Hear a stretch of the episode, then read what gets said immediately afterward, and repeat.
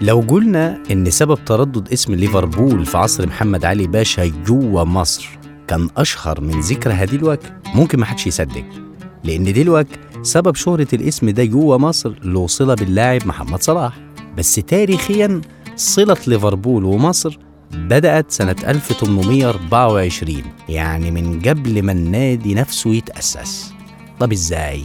مدينة ليفربول اتبنت على يد الملك جون أخ ريتشارد قلب الأسد سنة 1207 الملك جون كان مفتون بالعمارة لدرجة خلته يكون هو نفسه المهندس اللي رسم خريطة ليفربول وقت بناها.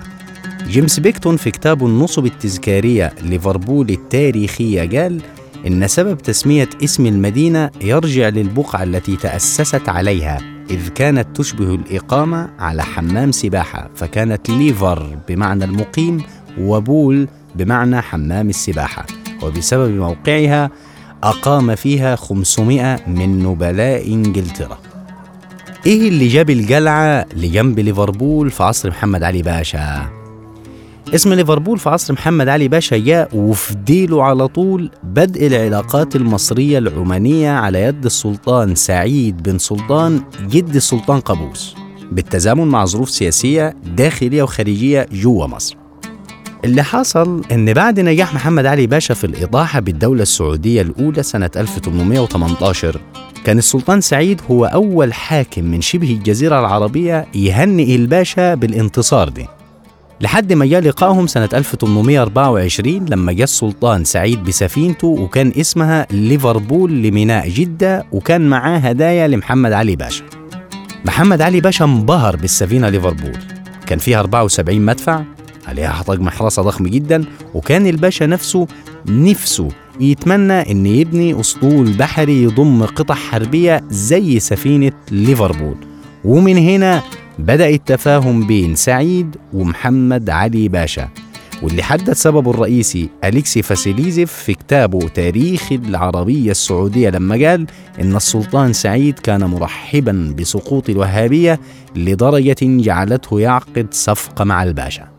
بعد الحرب حصل تجهيز مشروع ما بين سلطان عمان وما بين والي مصر محمد علي باشا خلاصته إن البحرين ومنطقة الأحساء اللي هم حاليا شمال السعودية يكونوا تحت حكم سعيد مقابل إنه يدفع خراج سنوي لخزانة مصر اللي هتحكم شبه الجزيرة العربية.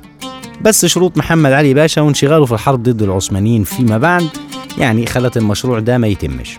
السلطان سعيد كان مفتون جدا بوالي مصر وده نفس الشعور اللي كان عند محمد علي باشا بدليل إن السلطان العماني بعت برسالة لمحمد علي باشا وطلب منه إنه يبعت ضباط من المدفعية المصرية لسلطنة عمان علشان يعلموا العساكر والضباط فن الحرب.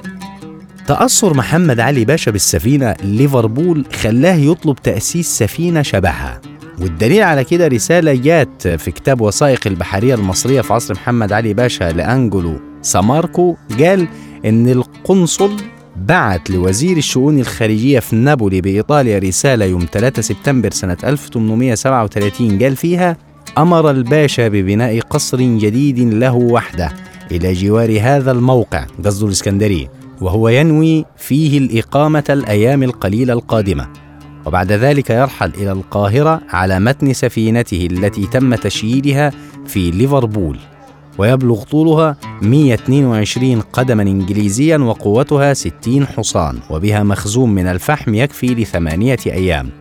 ولا تزن إلا ثلاثة أقدام ماء فقط. ومع إنها بسيطة إلا أنها في الوقت نفسه فائقة الجمال.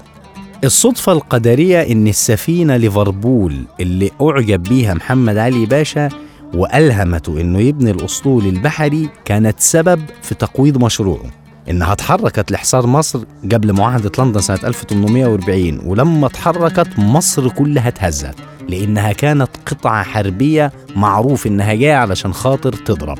والباشا وقتها حتى بعت للقائد بتاعها وقال أنا لست عدوا لإنجلترا فإن عدوي هو اللورد بالميرستون اللي هو وزير الخارجية. شيرين إسماعيل أحمد في كتابها الموجز في تاريخ سلطنة عمان القديم والحديث قالت إن السلطان سعيد بن سلطان أهدى البارجة ليفربول التي كانت تحمل 74 مدفع إلى ويليام الرابع ملك إنجلترا سنة 1836 والذي أطلق عليها اسم الإمام تكريما لمهديها. براين لافري في الجزء الأول من كتابه عن السفن الملكية البريطانية قال إن السفينة كانت في الدرجة الثالثة من سلاح البحرية الملكية البريطانية. قدمها السلطان سعيد للملك ويليام في يوم 9 مارس سنة 1836 وسماها الإمام. ضباط إنجلترا أطلقوا عليها اسم HMS Imaum وبقيت صالحة للأعمال العسكرية لحد سنة 1842 بعد كده اشتغلت في الميناء التجاري لحد سنة 1836 وفضلت جوه ذاكرة مصر لحد عصر الخديوي إسماعيل. سفينة ليفربول كانت هتسوي مصر باللي فيه